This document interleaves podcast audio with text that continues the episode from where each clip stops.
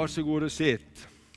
Underbart, tack ska ni ha lovsångare. Ska vi ge dem en applåd som hjälper oss att komma inför tronen och prisa Herren.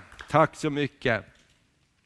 Eh, idag så ska vi fortsätta att tala om eh, Jesus, vem Jesus var och eh, vem Jesus är. För Jesus sa på flera ställen, så sa han, jag är. Och förra söndagen så började vi med det här och vi kommer också att tala om Jesus är nästa söndag. Och Jag tänker så här, jag hade ett ord i, i, inom mig här i morse när jag vaknade också. Och Det är från Psaltaren 34 och vers 6. Då står det så här, det som ser upp till honom strålar av fröjd. Deras ansikte behöver ej rodna av blygsel. De som skådar upp till honom, de strålar av fröjd. Amen. Och det är det vi vill göra. Vi vill hjälpa varandra att titta uppåt. Amen. För de som skådar upp till honom, de strålar av fröjd. Amen. När vi tittar ner i backen så är det mörkt och så tittar vi ännu lite längre ner, då blir det ännu mörkare. Och därför tror jag att när vi kommer tillsammans och firar gudstjänst, när vi träffar varandra, så får vi uppmuntra varandra. Eller hur? Och säga, låt oss lyfta blicken, titta på Jesus. Amen, trons upphovsman och fullkomnare. Och då kommer det nytt mod i olika situationer. Och eh, idag ska vi tala om att Jesus är livets bröd. Och på väg dit så vill jag bara uppmuntra dig med några ord. Därför att jag tror att det är viktigt i våra liv att vi har blicken på rätt saker i livet. Du vet att det är så mycket som kan ta vår uppmärksamhet och att vi ska titta på det ena och det andra. Och Sanningen är det att eh, vissa saker vi ser på, det tar vår energi. Eller hur? Vissa saker vi ger vår uppmärksamhet, det tar vår energi. Och andra saker, det ger oss energi. Har du märkt det? Och Det finns den där luringen, fulingen, som går runt i våra tankar och försöker få oss att tänka på saker som tar vår energi. Att vi ska fastna med blicken och våra tankar på fel saker. Och Därför tror jag att det är ett väldigt bra tips att tänka på Jesus. Amen. Det är väldigt bra att uppmuntra varandra, tänk på Jesus. Och Det står så här i Hebreerbrevet, det tolfte kapitlet och från vers 2 till 3. Hebreerbrevet 12 och vers 2 till 3 så står det så här. Låt oss ha blicken fäst vid Jesus, trons upphovsman och fullkomnare, som istället för den glädje som låg framför honom utstod korsets lidande utan att bry sig om skammen och som nu sitter på högra sidan om Guds tron. Tänk på honom som måste uthärda sådan fiendenskap från syndare, annars tröttnar ni och tappar modet. Amen. Så Jesus har gett oss en, en, eh, Guds ord har gett oss en väldigt bra uppmuntran här. Att tänka på Jesus så vi inte tröttnar och tappar modet. För det här är så här att eh, jag, jag, jag eh, hörde en pastors fru en gång säga någonting väldigt bra som jag kommer ihåg. Ibland hör man saker som man kommer ihåg. Och ibland hör man väldigt mycket som man inte kommer ihåg. Eller hur? Men ibland kommer jag ihåg vissa saker. Hon sa så här, ja, för de hade haft det så jobbigt och, och, och, så här med många saker. Och så har de kommit fram till det, att det är ju inte hon som bär församlingen och alla medlemmar och alla problem. Så hon tittade sig i spegeln varje dag och sa, jag är inte Gud. Amen.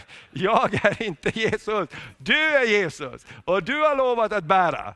Eller hur? Och det är jättebra, därför att det är det vi hamnar under ibland och vi får sådana bördor som vi ska bära. Och Jesus säger, kommer du ihåg någonting vad Jesus sa om de där bördorna? Kasta bördorna på mig så ska jag bära dem. Amen. Och det är ju en hemlighet, för han säger, mitt ok är milt och min börda är lätt att bära. Och det tror jag att när vi kastar oss på Jesus och tar emot från Jesus, då ger han styrka att bära bördorna.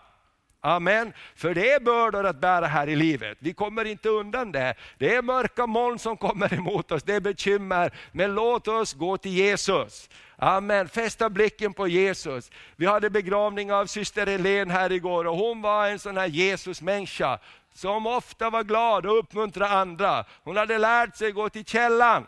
Amen. Och det var inte alltid lätt, vi fick höra hennes livsberättelse, ibland var det jättetungt, men hon hade en källa hon gick till och där hämtade hon friskt vatten. Och det får du och jag också göra. Amen. Och Bibeln uppmanar oss också att gå tillbaka till den första kärleken. För i den första kärleken till Jesus, där finns det energi. Ibland när vi talar om, om olika saker som har med äktenskap och med olika sådana saker med kärleken att göra, så brukar jag rita upp en bild med tre olika punkter. Den första ettan högst upp, där står det passion och kärlek. Den första kärleken. Man, man, man ser någonting, man får vision, man får passion. Kärleken kommer. Och den där kärleken, den leder till nästa punkt som är aktiviteter. Vad ska jag göra med energin? Vad ska vi göra med kärleken? Och är det frågan om en man och en kvinna, eller en pojke och flicka, säger jag, vi måste bara leva tillsammans. Varför ska vi elda i varsin spis när vi kan elda i gemensam spis? sa den gamla filmen. Och så vidare. Och så säger man, vi måste komma tillsammans, och vi, vi, vi är en aktivitet. Och så gifter man sig kanske och, och så, och den där leder den andra punkten, leder till den tredje punkten som är kostnader. Har du märkt det?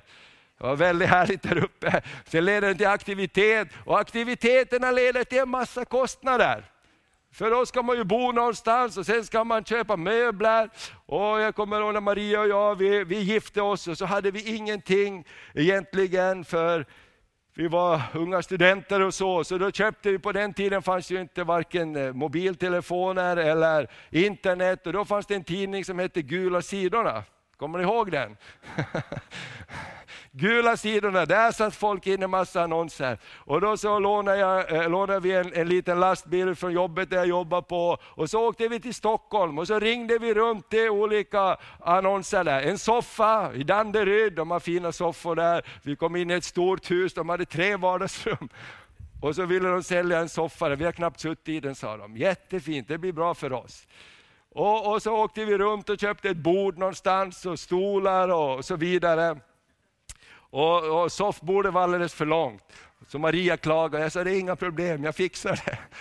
Och så sågade jag av hela bordet. 30 cent! Och så limmade jag ihop det igen och satte en skiva under en duk på. Titta de kom hem, nu är bordet bra va? Men hur gjorde du? Ja, jag kan fixa. Så vi fick alltid ha en duk på det vardagsrumsbordet. Men i alla fall, det ledde till kostnader. Och, och, så finns det mera kostnader. Och, och, många gånger så är det där vi sjunker. Aktiviteterna och kostnaderna drar ner oss. Eller hur? Så Jesus sa i Uppenbarelseboken, ja det är emot dig att du har övergivit din första kärlek. Upp på ettan, eller hur? Där finns det kraft, där finns det energi, där finns drömmarna som man behöver påminna sig om i ett äktenskap. Varför gifter vi oss överhuvudtaget?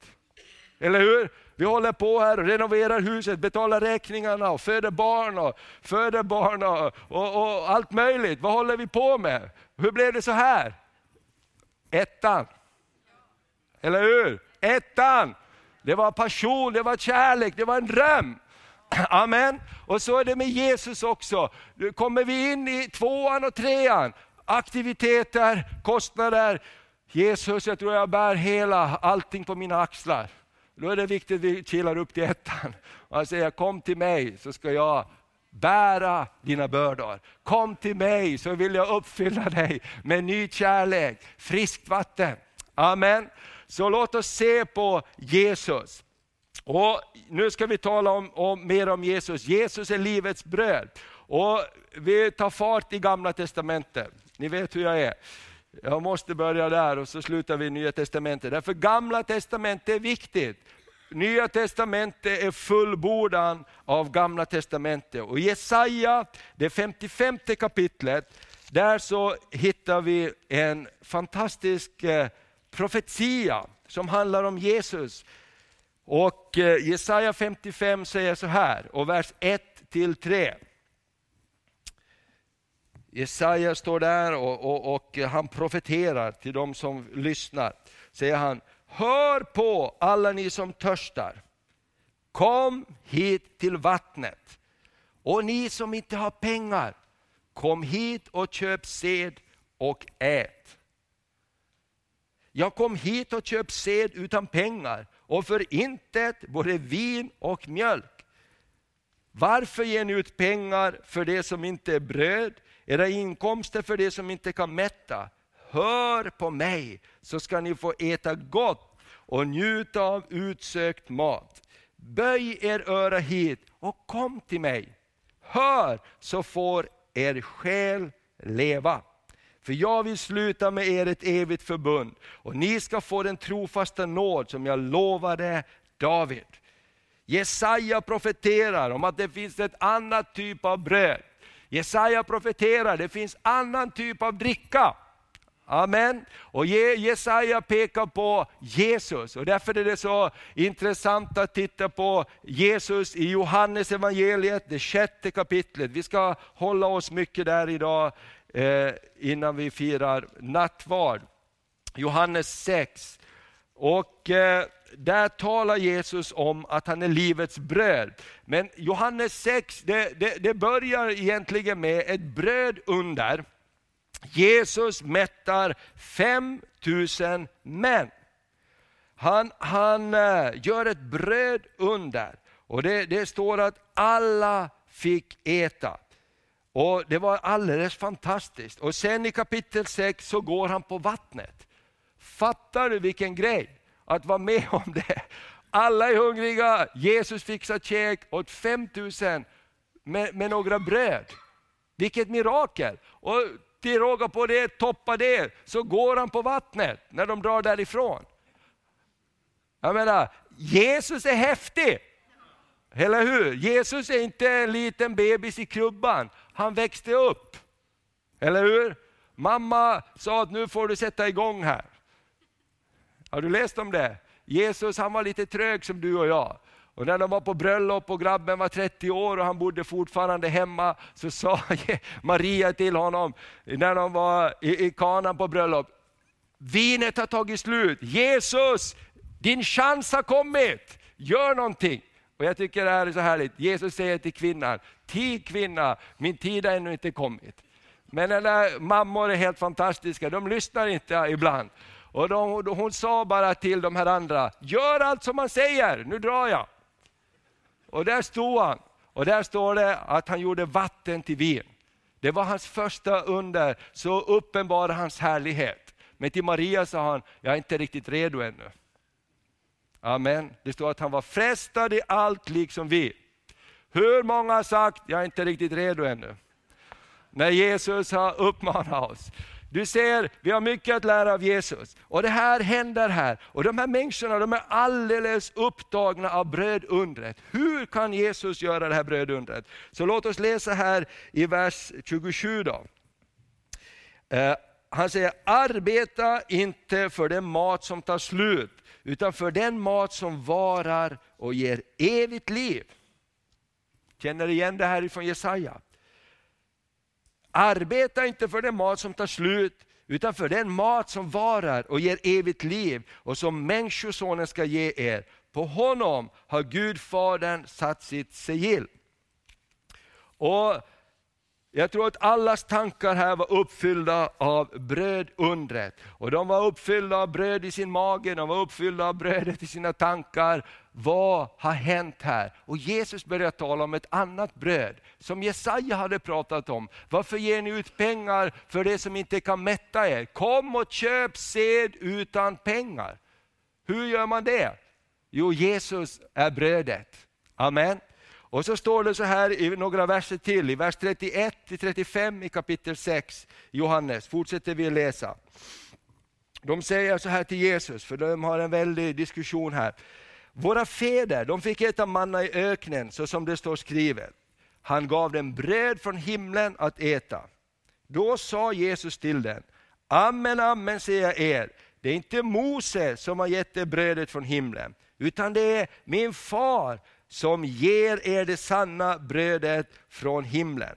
Guds bröd är det bröd som kommer ner från himlen och ger världen liv.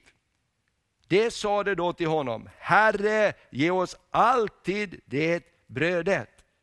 Och så kommer utmaningen. För Jesus svarade och sa, jag är livets bröd. Den som kommer till mig ska aldrig hungra och den som tror på mig ska aldrig någonsin törsta. Amen. Det är utmaningen. De sa, ge oss alltid det brödet. Och de tänkte att det var Westmans tunnbröds fabrik som skulle komma. Därför de var så uppfyllda av det här brödet som hade fyllt deras mage. Och det är precis som kvinnan vid Sykars brunn som Jesus sa, den som dricker av det här vattnet blir aldrig törstig igen. Hon sa, ge mig det vattnet fort, så jag inte behöver komma hit tillbaka till brunnen igen. Hon var rationell och Det här är väldigt spännande, vi ska se vad som händer i det här kapitlet. Och Jesus gör en utmaning, han säger, jag är livets bröd. Amen. Hur ska vi äta av livets bröd? Jo, vi måste äta av Jesus. Eller hur? Ja, ett annat namn på Gud är att han är El Shaddai. Och Det betyder att han är överflödets Gud. På hebreiska betyder det också att han är bröstmjölksgude. Och det här har jag berättat förut för dig, men vi har ju fem barn och jag har fått en uppenbarelse här om El Shaddai. Och jag har sett när våra barn har varit bebisar och de har växt upp på första tiden och de har druckit från bröstet, från sin mamma. El Shaddai. Och jag har läst om när man går på barnavårdscentralen att bröstmjölken innehåller allt ett litet barn behöver i början. Amen. Inte undra på Gud säger, jag är bröstmjölkens Gud. Jag är El Shaddai, jag är vad du behöver. Men det finns ett litet krux. För att få tag på bröstmjölken så måste man komma nära. Eller hur? Det går inte till tänka, det går inte till vara på avstånd. Man måste komma nära. Man måste komma i famnen, man måste vara nära för att få tag på bröstmjölkens Gud. Och Jesus han säger, kom och ät av mig. Amen. Det går inte att äta på avstånd, utan vi måste komma nära för att äta av Jesus. Och då så, så, så läser vi lite till här i vers 41-44. För Jesus han är utmanande. Och då när han säger så här, jag menar tänk dig själv att det står en man där som gör de här sakerna och han säger, jag är livets bröd, kom och ät av mig. Hur ska man förstå det? Och då står det så här i vers 41, att judarna var mycket förargade över att han hade sagt, jag är det bröd som har kommit ner från himlen. De sa, den här Jesus, är han inte Josefs son? Och känner vi inte hans far och mor? Hur kan han då säga, jag har kommit ner från himlen?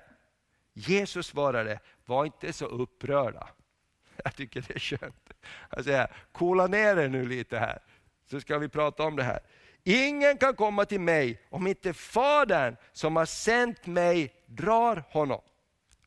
Och jag ska låta honom uppstå på den yttersta dagen.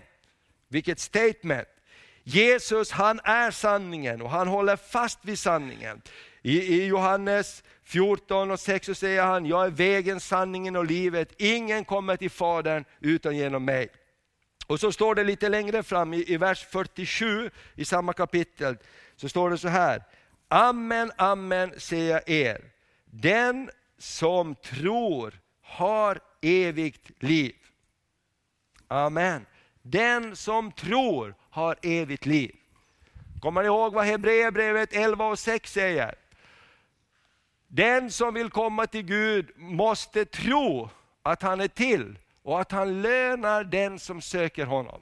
Vad måste man tro om man vill komma till Gud? Att han är till. Kräver det jättemycket tro? Eller hur? Jag tror de flesta människor på jorden orkar tro så mycket. Ibland så säger de, jag orkar inte tro. Jo, du orkar tro att Gud är till. Amen, att Gud finns och att han lönar den som söker honom. Och så står det så här, vi läser vidare. Jag är livets bröd, säger Jesus. Era fäder de åt manna i öknen och de dog. Men det bröd som kommer ner från himlen är sådant att den som äter av det inte skall dö. Och jag är det bröd som ger liv. Det bröd som har kommit ner från himlen. Den som äter av det brödet ska leva i evighet. Och brödet jag ger är mitt kött för att världen ska leva. Du vet att den här predikan var inte lätt att förstå. Här står det en man som säger, mitt kött ska ni äta, för det ger er liv. Alltså jag skulle också ha blivit, tror jag, lite konfunderad i det där sammanhanget. Vad pratar Jesus om? Och därför är det så viktigt när vi går med Jesus, att vi låter tiden förklara vad han menar.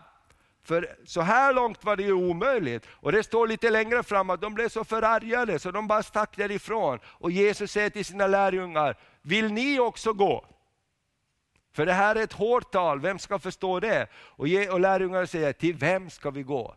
Du är det eviga livets ord. Du är livets bröd. Så Jesus utmanar ibland, och det här tror jag är en viktig läxa när det gäller att följa Jesus. Ibland så förstår vi inte allting just nu. Eller hur? Och kräver vi att få förstå allting här och nu, och en del säger så här, ja jag kommer inte över det här, jag kommer inte runt det här, jag kommer inte igenom det här. Ja men hallå, vem tror du att du är? Vem, varför måste du göra det just nu? Kan du inte låta, lämna det i Jesu händer och säga Jesus uppenbara det här för mig. Amen. Då kommer han att göra det efter ett tag.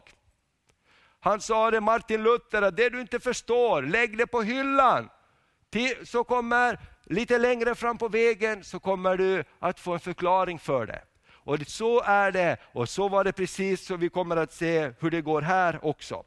Och Jesus tar ett steg ytterligare och så profetiskt så pekar han fram emot sin död och sin uppståndelse.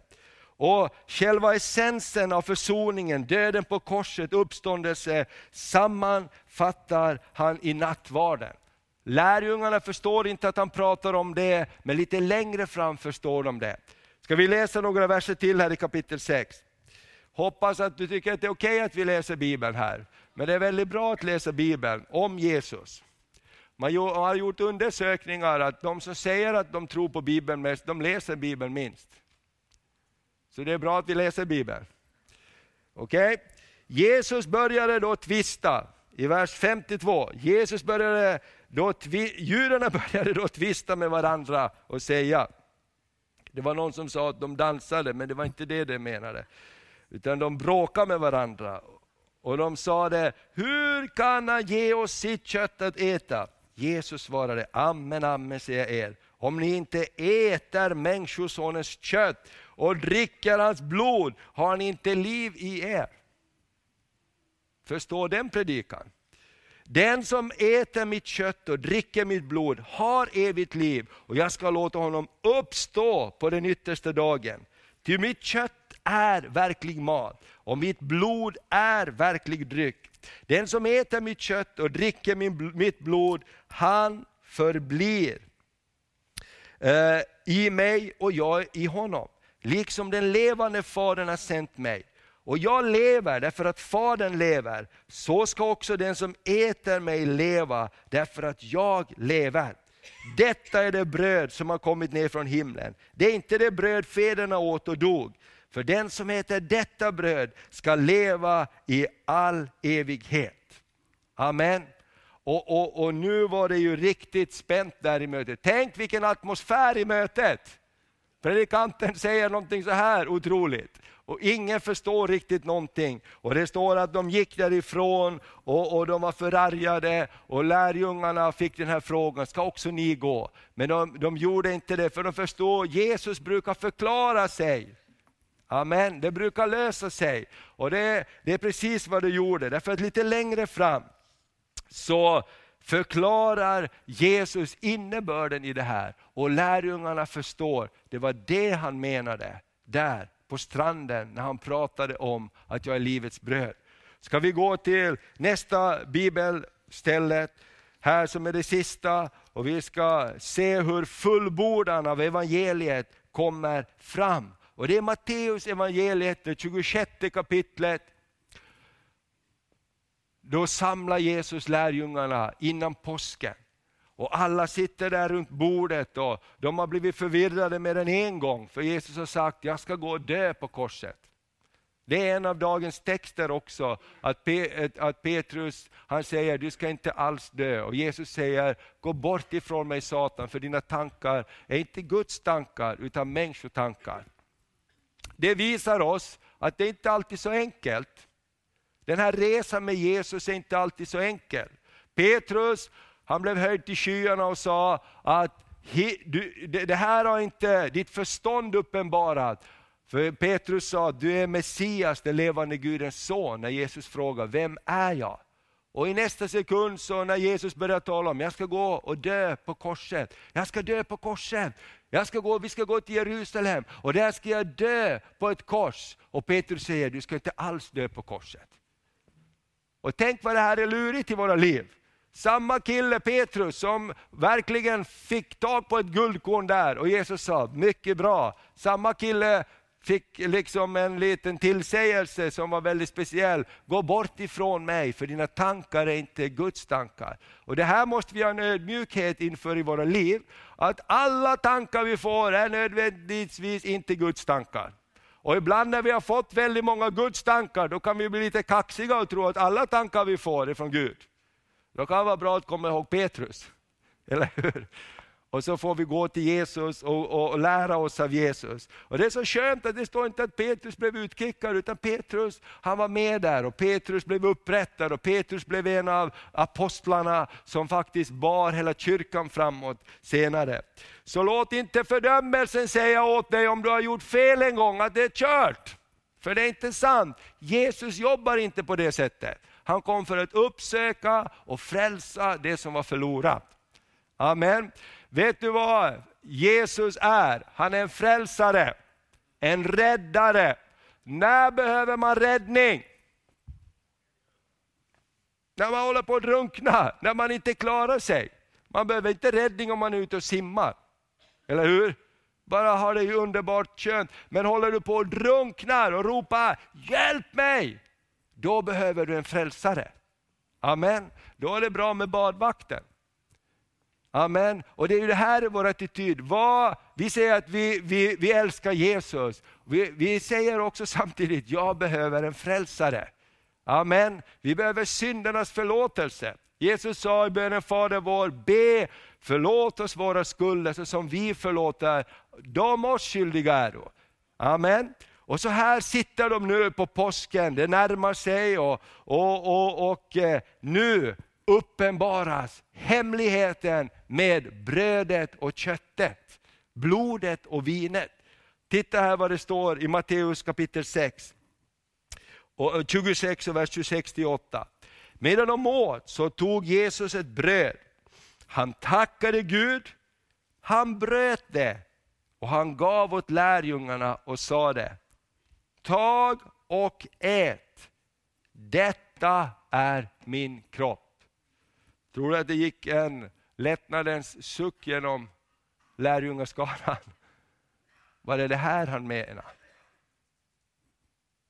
Det här brödet som man varje påsk tog fram som ett minne ur uttåget ur Egypten.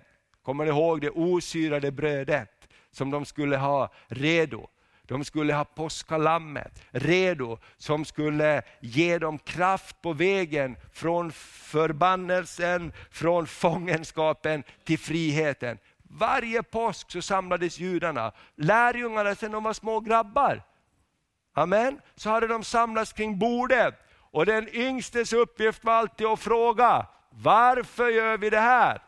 Och de äldre skulle svara, med mäktig hand så räddade Gud oss ur Egypten. Han förde oss genom Röda havet, genom öknen, in till det förlovade landet. Därför gör vi det här brödet och en dag ska Jesus Messias, ska Messias uppenbaras mitt ibland oss.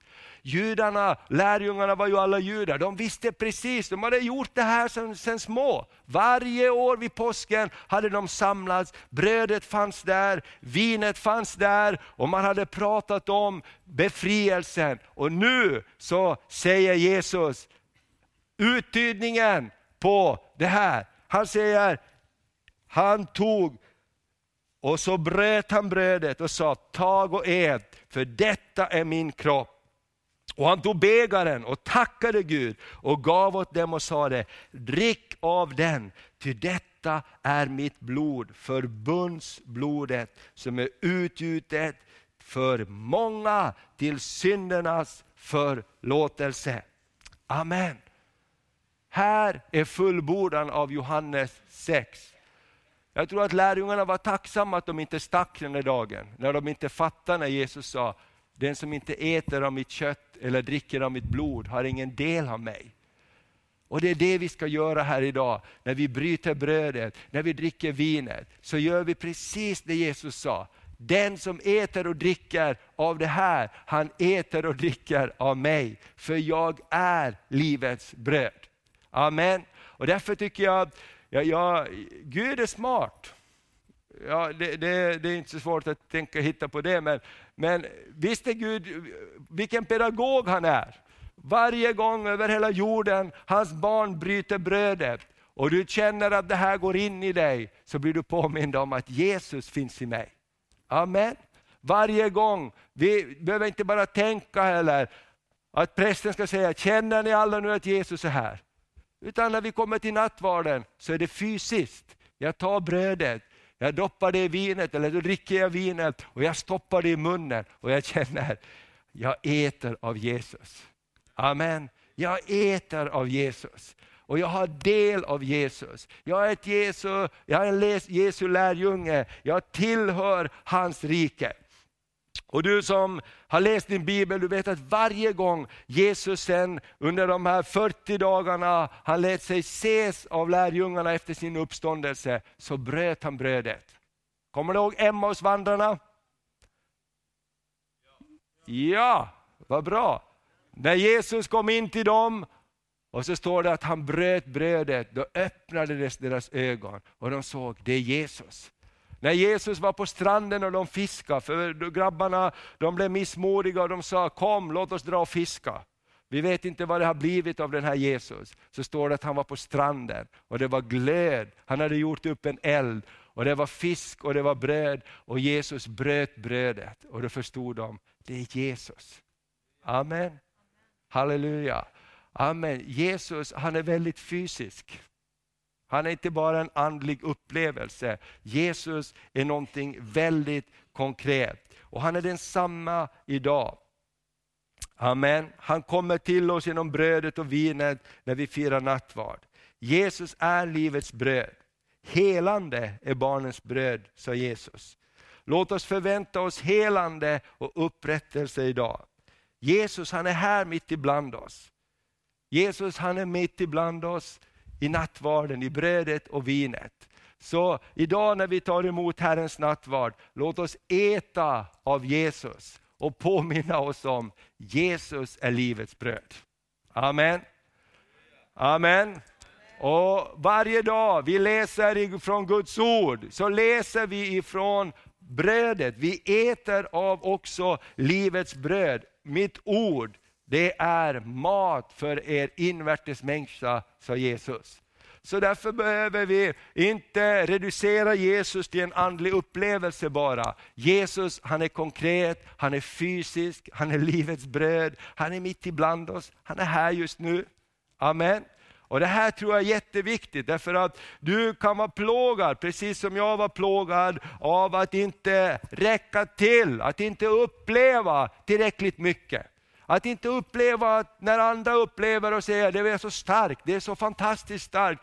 Jag har berättat det här flera gånger, hur bara det var som en brottningskamp i mitt liv. Och jag fick bara bestämma mig att jag tror på Jesus. Jag har del av Jesus. Jag tar del av nattvarden. Jag tror på honom. Jag är ett Guds barn. Och Det var en stark konferens jag var med på och det var så mycket som hände. Människor fick möta Gud och en del grät, andra skrattade, en del föll till golvet. Och jag såg ju allt det här, men jag säger, jag kände ingenting. Och då var jag så plågad i mitt sinne av att jag inte kunde känna någonting. Eller hur? Man kan vara det. Och därför är det viktigt att gå tillbaka till grunden. Och då gick jag ut därifrån. Halleluja, det är min stora uppenbarelse. När jag gick ut och köpte glass. Amen. Då köpte jag en glass och så satte jag mig ner vid ett bord och så sa jag till mig själv, spelar det ingen roll om jag aldrig kommer att bli någonting eller kunna tjäna Gud i mitt liv för att jag är så andligt okänslig. Jag är i alla fall ett Guds barn. Amen. Och någonting bara bröts där över mitt liv. Ja, i alla fall, det spelar ingen roll om jag aldrig kommer att betjäna någon. Eller, vet du vad? Det finns en del här som är plågade av olika plågotankar. Att jag måste vittna, jag har inte vittnat för någon. Du behöver inte vittna för någon. Du är frälst i alla fall. Eller hur? Eller hur? Du blir liksom inte frälst på poäng. Och jag har aldrig bett högt i kyrkan kommer inte till himlen. Det är dumheter. Djävulen är lögnens fader. Har du tagit emot Jesus är du ett Guds barn. Och så kan du växa därifrån. Amen. Så kommer det, precis som med givande. Jesus säger att han älskar en glad givare. Amen. Ha, jag får vara med och ge. Amen. Jag får vara med och be, jag får vara med och göra saker. Jag måste inte. Jag har ju mycket erfarenhet av allt möjligt som ni förstår. Gjort många misstag.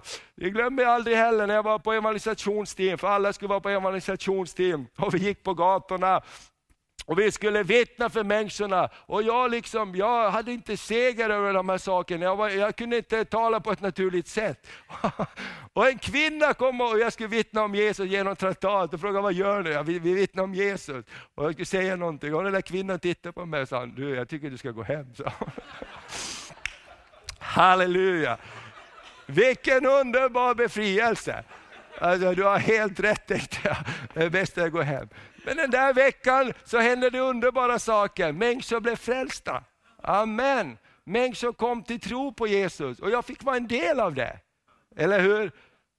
Men tänk där hur lätt det är att djävulen plåga. Ja, du har ingenting att ge. Du är inte vittna. Och så hänger vi upp allt på fel grejer. Amen. Och då blir vi liksom, vi blir frälsningen. Nu har jag gjort bra grejer. Titta på mig. Nu kan jag komma till Gud. Nu har jag liksom putsat skorna. Han vet hur det ser ut till och med när du tar bort skorna. Han vet att det luktar fotsvett. Eller hur? Det står att för honom är allting uppenbart. Eller hur? Låt oss komma till Jesus och säga, jag behöver frälsning.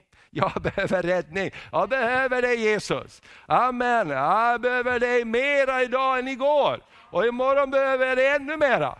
Amen. Och då så kommer vi till Jesus, vi äter av Jesus, vi slänger bördorna på Jesus, vi uppmuntrar varandra att gå upp på ettan. Eller hur? Första kärleken, jag behöver dig Jesus, jag behöver bli frälst. Precis som Niklas sa när man frågade, ja det var så många som var tacksamma över frälsningen. Det är det viktigaste. Det är det Jesus sa till lärjungarna. Häftigt att onda andarna lyder er. Häftigt att människor blir botade. Men det viktigaste är att era namn är skrivna i Livets bok. Amen. Det är det viktigaste. Prisat vare Herrens namn. Amen.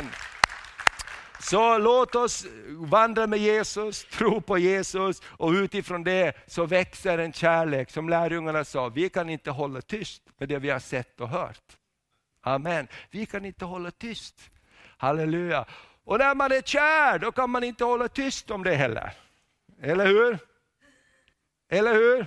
Då vill man göra mer och en del är ju alldeles våldsamma som liksom eh, frågar på hockeymatch om de får fria och ber dem släcka lamporna och sätta på en spotlight och allt möjligt. Därför de är så, så, så uppfyllda av den här ettan. Va? Eller hur? Det skulle man inte göra, men man kan göra crazy grejer när man är kär, därför man är uppfylld av någonting. Och det är mycket roligare. Eller hur? Att jag måste, nu måste jag, nu måste jag. Och Jesus säger, åh vad tråkigt. Tänk att ha, vara gift med någon som måste. Jag måste älska dig. Va? Hur kul är det? va? Ja, jag är gift med henne, jag måste ju det. Det blir inte så roligt, eller hur? Och kommer du hem nu igen? Det var så skönt när du var borta. Det blir väldigt konstigt. Det är roligt, jag har längtat efter dig. Amen, kom så får du en kram. Amen. Det är ju det Jesus vill att vi ska ha. Det är gemenskapen han vill att vi ska ha. Kom till Jesus, vandra med Jesus, älska Jesus. Och när fienden säger du är bedrövlig, säger jag precis, det är därför jag behöver Jesus. Amen, eller hur? Amen, det står att inte av egen, Efesierbrevet säger vi är frälsta av nåd genom tro, inte av egna gärningar, så att ingen skall berömma sig. Amen. Genom Guds nåd är det av tro. Och när vi är sådär, och då blir helgelsen så naturlig, för jag älskar Jesus, jag vill vara mer lik honom. Det kostar inte att förvandla sig, det kostar inte, det är inget pris när man är kär, eller hur? Kärleken gör att det är inget pris att förändra sig. När han knackar på hjärtat och säger, jag tycker att du ska ändra på den där attityden. Okej, okay. vill du det så gör jag det. Amen.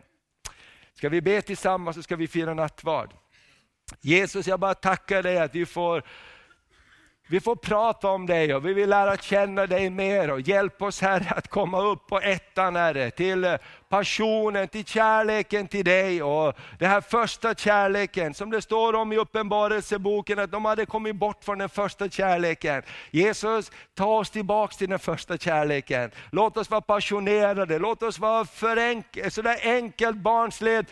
Kära i dig Jesus, vandra med dig, tala med dig, om dig. Jesus, tack att du är mer än en känsla, tack att du är en verklighet. Och idag när vi äter av brödet och dricker av tack att du finns precis där i brödet och vinet. Och du kommer till oss när vi äter av dig. Och vi tror på det, så barnsligt enkelt. Men hur fungerar det? Jag inte vet jag hur det fungerar. Men jag tror Jesus att du kommer till mig genom brödet och vinet. Därför du har sagt det.